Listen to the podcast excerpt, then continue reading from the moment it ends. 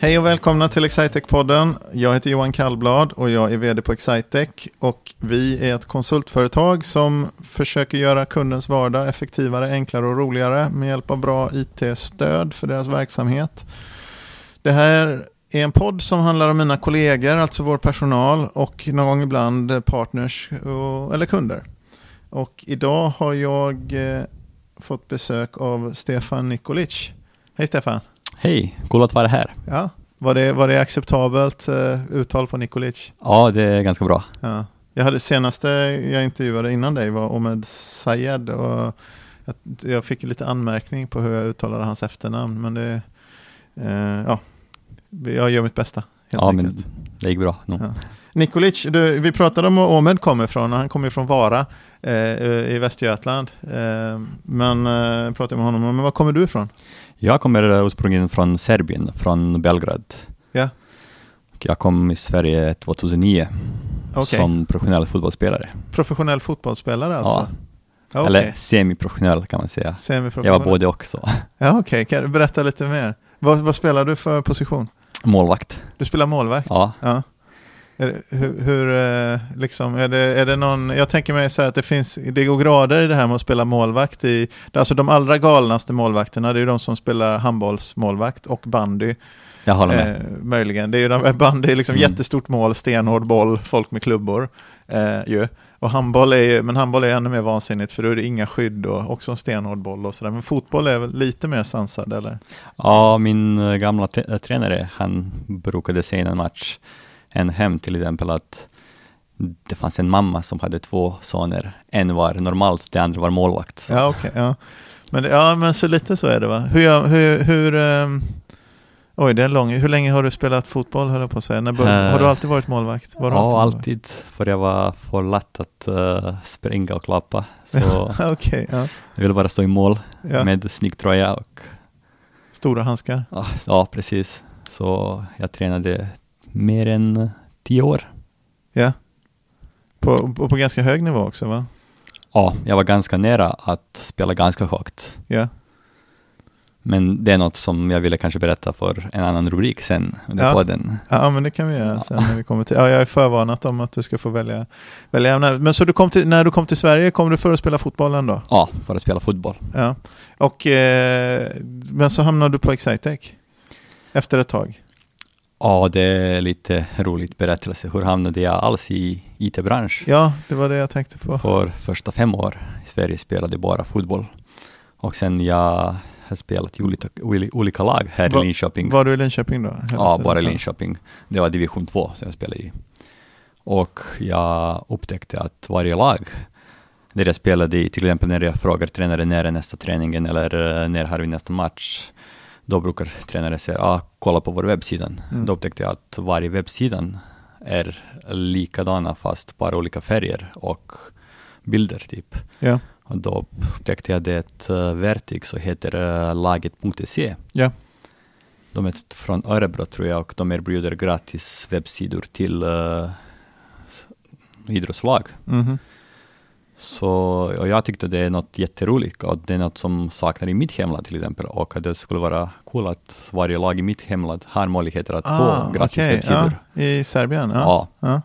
Så jag forskade lite på Google för att se om det finns till exempel lite potential att uh, tjäna pengar eller att det blir till bra affär. Ja. Så efter ett tag sprang jag bara till Swedbank, tog en snabb lån, hittade frilanser-programmerare som ska bygga upp applikationer och gjorde ett likadana system med lite bättre funktioner. Ja. Hur förresten tjänade laget.se, tjänade de pengar i Sverige? Ja, de tjänade. Ja, ja. Okej, okay, så du startar laget.se fast i Serbien? Ja. ja. Vad heter den då? Vad heter sajten? Nu heter det sportland.com. Ja. Och uh, i början var jag en vanlig beställare. Men under tiden har jag blivit projektledare och uh, till slut har jag sålt 50 procent av startup till ett uh, små IT-bolag som fortsätter att utveckla den. Ja. Eh, har du fortfarande, ja, fortfarande delägare? Hur går det då? Hur, hur går det i Serbien? Ah, det går ganska dåligare, mycket sämre än jag förväntade. Ja. För jag bara kopierade typ allt som är här och implementera det på en helt annan marknad. Ja, Och det går inte bara att Nej. ta en från ett marknad och leverera till ett annat. undrar varför, varför? Vad, är det, vad är skillnaden? Är det inte, har folk inte lika mycket, använder man inte webben på samma sätt? Eller? Ja, kan man säga att eh, folk är inte så IT-mogna som i Sverige. Ja, Och sen uh, idrottslag har inte så mycket stöd för att eh, ha någon att driva den. Att administrera, ad, administrera själva Okej. sidan. ja. Jag, jag tror väl att i Sverige, det, om man tittar på ungdomsidrotten, på lägre divisioner finansieras, alltså så här, elitlagen i de lägre divisionerna finansieras ju i princip av ungdomsverksamheten, varken vi pratar om det eller inte, Ja. men det är ungdoms, det som gör att ett division 2-lag har ett elitlag är ju ofta ungdom, en bred ungdomsverksamhet. Ju. Men då blir det ju, det finns ju bidrag och sånt tror jag kring ungdomsverksamheten som behöver administreras med närvaro och sådana saker. Då. Så det kanske man kanske stödjer några administrativa processer kan jag tänka mig i, i, i Sverige som man kanske inte stödjer på samma sätt. I, Ja, precis. Det är helt olika sätt av generellt i idrotten, hur det fungerar i, mm. med bi- bidraget och allting annat. Okej, Hur fungerar det med, i Serbien då? För jag menar, folk, unga spelar ju fotboll på samma sätt. Ja, unga spelar fotboll på samma sätt, men uh, själva eh, fotbollsklubbar får inte någon bidrag från eh, förbundet. Okej, så hur betalar de för verksamheten då? Eh, en del betalas för, eller man, man får men ganska lite bidrag. Ja. Oavsett hur många till exempel här i Sverige för varje spelare som kommer på en träning Mm. får man en viss summa av, av fotbollsförbundet. Ja. Men till exempel i Serbien, på, eh, speciellt på eh, ungdomsnivå, måste man betala själv typ medlemskap eller någonting. Ja. Så, och brukar klubbarna inte ha så mycket stöd för typ grundläggande saker. Att kunna fungera typ. ja. Men vad, vad, på något sätt måste de ju ändå fungera. Det kostar ju lika mycket att driva ja, fotbollsverksamhet. Men är det mer sponsorer och sånt där tror du? Ja, det, det är sponsorer som, Ja. som är typ små bolag som spo- spo- sponsorerar ett visst lag Ja. eller Är de, är de stora klubbarna, om du jämför med Sverige, känns det som att de stora klubbarna är viktigare där än vad, än vad de är här? Och Det, alltså jag, min association egentligen är att när man hör talas om sådär Barcelona och sånt där, i, liksom ungdomsakademier och sånt där, då, då är det väldigt stort. Men i Sverige, visst det finns ju säkert ibland, men det är ju inte jättestort att det liksom är IFK Norr, Norrköpings liksom stora ungdomsakademi, går och plockar tolvåringar och sånt. Det har inte jag hört talas om i alla fall. Nu kanske inte jag har rätt, men är, det liksom, är klubblagen viktigare i, i Serbien till exempel än vad de är i Sverige på lägre nivåer? Ja, kan man säga att bara två lag är viktigare än allt, allt annat, alla Ja. andra lag. Och det är typ Rodo Hernog Partizan, det är samma som Barcelona och eh, Real i Madrid i Spanien, så de mest pengar går på de två lag. Och Ja. Hur, hur går det för Röda Stjärnan nu förresten? det går faktiskt bra. Det är Vi bra. är i Champions League igen efter League, 27 år. Ja. Det, efter hur många år sa du? 27 år. 27 år? Ja. Ja. Oj. Och då vann vi Champions League. Ja, oj, oj. Så du väntar dig en upprepning här? Ja, nej, absolut. inte som en minst. Är det så länge sedan alltså? 27 år? Ja, det är ganska länge sedan. Ja. Är det Röda Stjärnan eh, är ett sånt lag som jag kommer ihåg från liksom, när jag var barndom och sådär. Ett sånt lag som var ganska stort och välkänt då. Ja, Men det har alltså varit så lång tid utan Champions League. Hur kommer det sig? Liksom, varför blir det inte, hur kan det gå så lång tid från att de var i, ja för det League-slutspel. 1992 började krig i Ja, det gamla. Jugoslavien så allt typ allt gick ner från eh, alla, vad heter det, i landet gick ner, idrott och allting så. ja, Men nu om man, om man tittar generellt i Champions League, det är 95 procent av lag som spelar där är från Västeuropa. ja, Så det är inte bara upp till typ ett land eller utan mer på skillnaden mellan väster och Östeuropa. ja, ja, det är så oerhört mycket Ja. pengar också i det hela som måste byggas upp under lång tid. Men jag tänkte på, får vi, kan vi det är ju så jätteintressant att prata fotboll, men, men eh, om vi pratar lite mer om jobb. Vad, är, vad gör du på, så du, du hade den där sajten eh, och, och försökte driva den. och vad hände sen? då, då ville jag, då fick jag mer och mer intresse för IT och då bestämde jag att jag ville plugga för, för det. Och eh, jag läste vad heter eh, datavetenskap med inriktning i systemutveckling på mitt universitet. Ja. Och innan jag började vad heter, eh, studera, jag sa till mig själv, jag ska klara det här programmet, men jag ska aldrig programmera, för då tycker jag det är tråkigt. Okej. Men efter studie, eller under studie, upptäckte jag det är mest intressant bit Ja. i utvecklingen. Ja. Och under studie började jag utveckla mm, mina små hob- eller. Ja. Och alla handlade om sport eller om fotbollen. Och jag ja. gjorde bara för min egen skull. Mm. Och efter jag slutade vad heter programmet, jag började söka jobb. Mm. Och eh, jag gick på semester, ett lite längre semester. När jag kom tillbaka började jag söka jobb och jag var med i fem olika process, anställningsprocess samtidigt. Ja. Och i alla fyra gick jag vidare, men det är bara ett företag som jag verkligen ville jobba i. Och jag jobbar där just nu. Och det är exciting. Ja, vilken tur, bara till vilken cliffhanger här. Så, men där fick jag inte jobbet, så att jag får ta ett av de fyra andra. Ja, Okej, vad roligt. då. Vad var det som, eh, så, så, vad var det som, var, som kändes rätt med Excitec med dig då? Eh, Eller för dig? innan jag började söka jobb, eh, mitt drömjobb skulle jag beskriva som ett jobb där jag ska jobba med olika projekt hela tiden. Mm. Att jag ska jobba in-house, you know? så inte hos kund utan som här. Och att det blir ett konsultbolag, att jag har typ, eh, vad heter det, eh, flexibelt eh, arbetstid som man har och Ja. att jag ska ha ro- roligt på jobb. Och en viktig sak var att jobba med de senaste teknikerna. Ja. Och det fick jag, allt som jag ville fick jag här. Mm. Vad bra då, så du har det bra på jobbet helt Ja, enkelt? det är Ja. jätteroligt på jobbet, Ja. måste man säga. Vad, vad är det, men du jobbar med systemutveckling nu? I, eller liksom framförallt webb, webbutveckling och sådana bitar? eller? Webbutveckling, ja. Ja. Både front och backend. Ja, både frontend och backend. Mm. Vad heter teknikerna då om vi vill prata lite? För jag pratade, jag pratade business med Omed förut. Så det är liksom affärer och sånt. Då tänkte jag, då kan du få droppa, då sa han lite namn på programvaror och olika säljord som han använder. Men vad är det Mm. för någon teknik? Eh, Vad heter det som ni, som ni I använder? Är det frontend jobbar vi med Angular. Ja. Och i back, backend jobbar vi med uh, REST API, C-sharp. Ja, okej.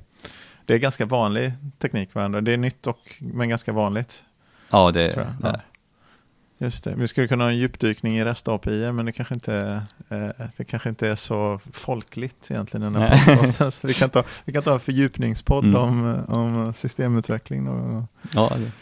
Ha, vad, vad, hur mycket jobbar du i projekten då? Jobbar du med eh, tillsammans med andra i huvudsak eller jobbar du mycket ensam? Hur, hur har det blivit? ja vi, vi jobbar i team. Så just nu, eh, mitt team jobbar på eh, ett projekt eh, för en kund som heter Clearon. Ja, Och de är ledande inom kuponger och betaltjänster i svensk Just handel. det vet jag faktiskt, de hette kuponginlösen innan. Förr i tiden så var det när man hade sådana fysiska små lappar. Det har man ju fortfarande ibland. Men, Ja, det Ja. finns olika typer av kuponger. Det är Mm. de fysiska och e-kuponger och mobila. just det. Mm. Ja. Så okej, är, det, är det ett stort projekt? Ja, det är mellanstor kan man säga. Ja. Men det finns poten- potential att det blir större och större.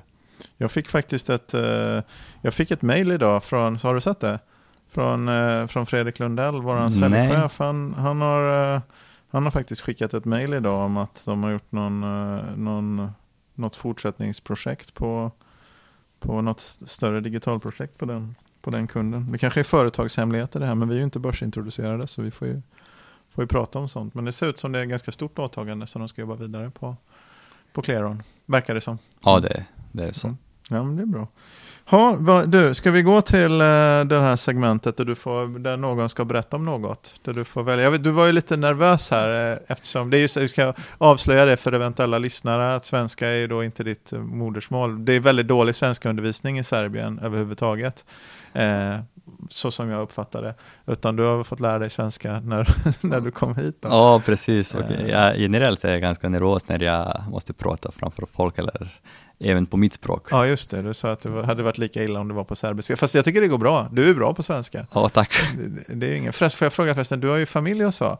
Är din, din fru, kom, är hon från, eh, Hon är också från eh, Serbien. från Serbien? Ja. Så det är serbiska som vi pratar hemma. ja. Just det, pratar barnen? De pratar både och. De pratar både och. Mm. Det känns att det är lite orättvist på något sätt, tycker man. Eller hur? Det är lite, man hade önskat sig att man fick med sig ett par språk redan från eh, Ja, det, från, från barnsben faktiskt. Det går lite långsammare för tvåspråkiga barn att ja. börja bara prata. Jag har förstått det, men det är ofta inte liksom den här riktiga utvärderingen i livet kommer ju inte i fyraårsåldern. Liksom. Nej, precis. Den kommer ju, kommer ju senare. Om man jämför med hur oerhört svårt det är att lära sig serbiska när man har passerat 30 så tror jag man kan, man kan acceptera att man är lite efter när man är tre. Ja. Det gör inte så mycket. Ja, det är mycket lättare att man börjar lära ett språk innan man fyller 16. Ja. Jag tittade på en, vad heter uh, tv-episod på uh, forskare, de förklarade att uh, människa lär ett språk, om, om man börjar lära ett språk innan man fyller 16, mm. då är med en del av hjärnan, så man, man får accent, man kan prata flytande Yeah. Om man börjar innan 16. Yeah. Om man börjar lära sig ett nytt språk efter 16, då kommer det alltid att märkas att man kan inte typ flytande. Ja. ja man kan säkert kunna alla orden, men mm. det finns vissa, vissa saker. Ja, nej, men du, jag liksom, du är kanske inte behöver vara så bra på svenska eftersom du jobbar med utveckling och sånt, men du är ju rätt bra på svenska egentligen. Men det finns, man märker ju att du har en brytning, men du har inga problem med kommunikationen. Ju. Nej. skulle jag säga. Men ja, någon berättar om något så börjar jag prata om, ja, om språk. Här. Jag funderade på två saker. Först ville jag berätta precis om det som vi pratade om, att våga prata, men sen tänkte jag att det kanske är inte så roligt än den som jag har just nu. Och det som jag vill prata om är att uh, perioden när jag spelade fotboll, ja. 2006 var jag på provträning eller provträningar under en period på Manchester United A-lag. Ja. Och då hade jag äran att träffa de stora namnen såsom Alex Ferguson, Cristiano Ronaldo, Ryan Giggs och ja, alla andra. Hela, det var, ja, just det. Hur gammal är Ronaldo jämfört med? Ni är lika gamla ungefär? Jag vet inte faktiskt. Nej, han är lite äldre tror jag. Kanske ett, två år ja. äldre. Ja. Och då var jag ganska nära att bli proffs men ja, jag lyckades inte. Ja. Hur gammal var du då? Jag var 21. 21? 20 eller 21. Ja, Okej, okay, så det var ingen sån här riktig ungdoms, utan det var, var ja, ganska nära då? Ja. det var ganska nära. Så ja, jag tänkte prata lite om generellt, vilka faktorer avgör att man blir framgångsrik i till exempel fotboll. Okej, okay, ja. Så jag tycker det är ganska roligt för till exempel talang utan vilja och hårt arbete, det är ingenting. Mm. Och till exempel, jag hade talang, jag hade viljan, men hårdarbete, det är den som saknade jag. Okay. Jag trodde att två träningar per dag räcker, men det inte ja. räcker om man vill bli riktig proffs. Nej, okay. Man måste typ träna åtta timmar, men det är inte bara fysisk träning som man, utan man måste, det finns olika typer av, träningen, man måste vara in hela tiden för, ja. att, för att bli framgångsrik. Ja. Till exempel, uh, jag tittade en episod med eh, David Beckham mm. och hans mål som han gjorde på, det var 2002, sista mm. minut, England uh, mot Grekland. Han gjorde mål och uh, England går vidare till VM. Mm. Mm. Han gjorde mål från tror 30 meter direkt i krysset. Yeah. Så han berättade att detta mål, han hade tänkt förut om detta mål tusen gånger. Typ. Mm. Han hade tänkt allting, typ uh, publiken bakom mål, alla små detaljer han hade i varje natt innan gå att sova typ. Så han visste vad, när han kom till den situationen ja. i verkligheten så visste han precis vad han skulle göra? Så man måste visualisera hela tiden, man måste tänka, man måste jobba på sin uh, psykologi, man måste vara stark. Ja. Men, det, men det, det, är ganska långt, för, så provträning med Manchester United, Manchester United är ju liksom, det är ju så stort det kan bli. Ja. Egentligen. Finns det inte liksom någon sån här Stoke eller Ipswich eller någonting sånt som man, eh, som om man inte får ett jobb i Manchester United så kan man ju spela. Eh, ja, ja det finns men jag, jag fick inte, vad heter jag, jag hade inte tur att spela där, jag menar i Premier League alls. Ja. Ja. Vad hände då? Var, varför, hur nära var det tror du? Vet du det? Jag var ganska nära, men om man vill stanna där man måste vara dubbel än deras bästa spelare, dubbel bättre. Ja, just det. Ja, för de har ju redan väldigt bra spelare på ja. alla positioner. Och dessutom vet de ja. att de, de har funkar. Och man måste, det, är olika faktorer som avgör det. Man måste till exempel ha också lycka. Mm. Till exempel, det kan hända till exempel på en match, Ja, två målvakter på två sidor, en är dubbelt gånger bättre, men alla skott i mål, det är Ja. möjligt att räddas. mm, Så man får typ, man släpper fem, sex mål. mm, Men den andra målvakten som är mycket sämre mm. får skott ja. nära sig hela Nej, det är tiden. inte bara, målvakten är ju inte ensam. Ja. Det är ju inte en sån sport. Det är ju Mm. inte som att springa 100 meter där man nästan springer, liksom, Ja, man är ensam. Utan det är ju en kombination av, vad, av vilka situationer man blir satt i Ja, och vad de precis. andra spelarna gör. Ja, men eh, då hade du antagligen, om du hade spelat i Manchester United så är det ju troligt att du aldrig hade kommit till Excitec. Ja, Eller eller till spelare alls. Ja, kanske inte. Men, men vad hade hänt? Hur många målvakter har man i truppen i Manchester United? För jag menar, det, det, var, det var inte första positionen i A-laget som, du, som de skulle ha direkt. Men hur många målvakter har de i truppen? Har man två eller tre? Eller? Eh, Man brukar ha tre målvakter. Tre målvakter? Ja, Ja, och plus de här några till som är lånade ut till ja just det. andra lag. Ja. Vad gjorde, sen när det inte blev något med Manchester United, hur var det förresten? Var du nervös?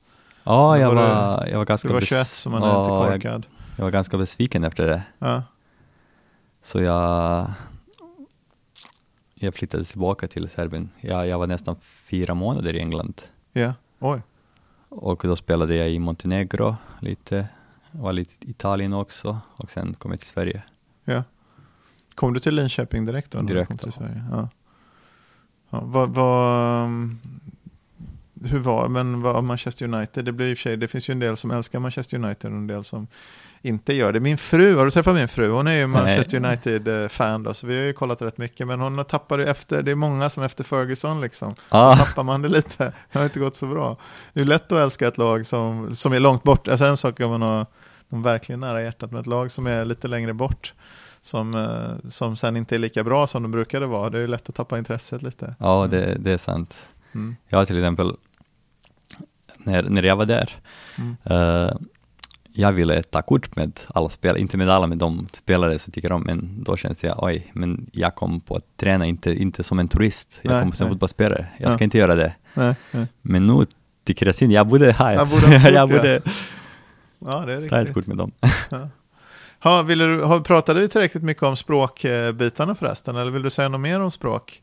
Vi pratade ju lite om, om det här med att lära sig, för du sa att du, men, att du hade två ämnen här, men vi kanske redan hade tömt ut det här med Mm. språket. Eller har du något mer du har funderat på kring, kring det språkliga? Men jag kan säga att uh, för hemma pratar vi vår modersmål. Mm. Och eh, jag pluggade på distans.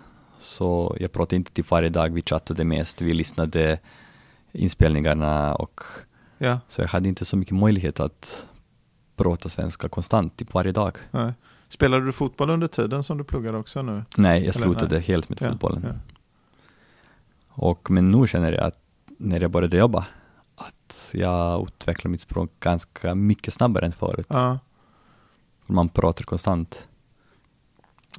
Det är väl en sån här integrationsgrej som, som, är, som man kan fundera på för att få det att funka, liksom att hamna i miljöer. Det, det är antagligen väldigt dåligt när vi hamnar liksom i så här segregerade bostadsmiljöer där människor inte bor, speciellt i de stora städerna ju, där människor som kommer från ett annat land inte bor så mycket gemensamt med människor som, som är födda och uppvuxna i Sverige. För det är väldigt svårt att lära sig språket utan att vara i en miljö där det, där Ja. det pratas. Ju. Men, och ganska enkelt att lära sig språket om man är i en miljö där det pratas. Det handlar inte så mycket om vilja egentligen. Det handlar Nej. bara om Och möjlighet att Om- prata. ja. Precis. Ja, det är inte så det, det där är ju, även med, med skolan och sånt där funderar man ju på med, eh, det inte är sådär jättelämpligt med skolor där liksom 60% av eleverna eller 80% av eleverna kommer någon annanstans ifrån. Även om man liksom, det är ju som det är så man får ju hantera det. Men, men det där blir nästan en politisk diskussion. Men egentligen är det ju inte så svårt. Så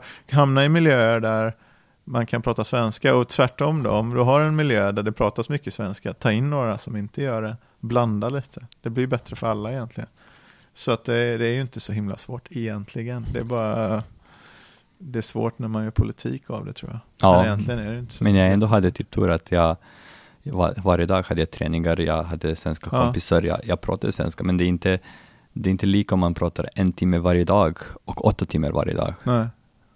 Och det är stor skillnad, det måste jag tänka de som, men du som kommer från liksom Serbien, det var ju många i en tid där kanske speciellt från Bosnien och delvis Kroatien och sådär, var ju människor som, som flydde till, under 90-talet, liksom, tio år innan, då, eller, ja, mm. mitten av 90-talet var det många som åkte. Men det är också en annan situation, för då har man ju inte heller valt riktigt. Då har man känt så här, jag var tvungen att åka iväg från mitt hemland och så kanske man gillar, man tänker man ska snart flytta tillbaka och så umgås man mest med andra människor mm. som, som kommer därifrån. Men, uh, så det är jättesvårt. Annars så säger de i och för sig, jag har hört, att uh, den, de ex-jugoslaviska människorna som kom till Sverige till exempel, det är en av de mest integrerade grupperna, eller kanske den allra mest integrerade gruppen, eh, som en generation efteråt. Eh, Ja, jag läste också. Egentligen. Fast det är ju som jag, jag skojade här när du klev in, att, eh, att sker från Åmed som var här innan, som, som ser ut som man kommer från Mellanöstern men egentligen kommer från Vara. Ja. Eh, så du ser ut som du kommer från Norge, brukar jag skoja, eller någonting i den stilen. Du är ju blond och, och är ljus, så du, du, du bara gör inte det. Så det kanske, tyvärr, det är ju jättehemskt, men det mm. kanske påverkar ja, också egentligen. Det. Också min fru är helblond och eh, ja. båda två barn är helblonda, så det, när man ser oss första gången, man, man tror att vi är, rena svenskar. Ja, ja.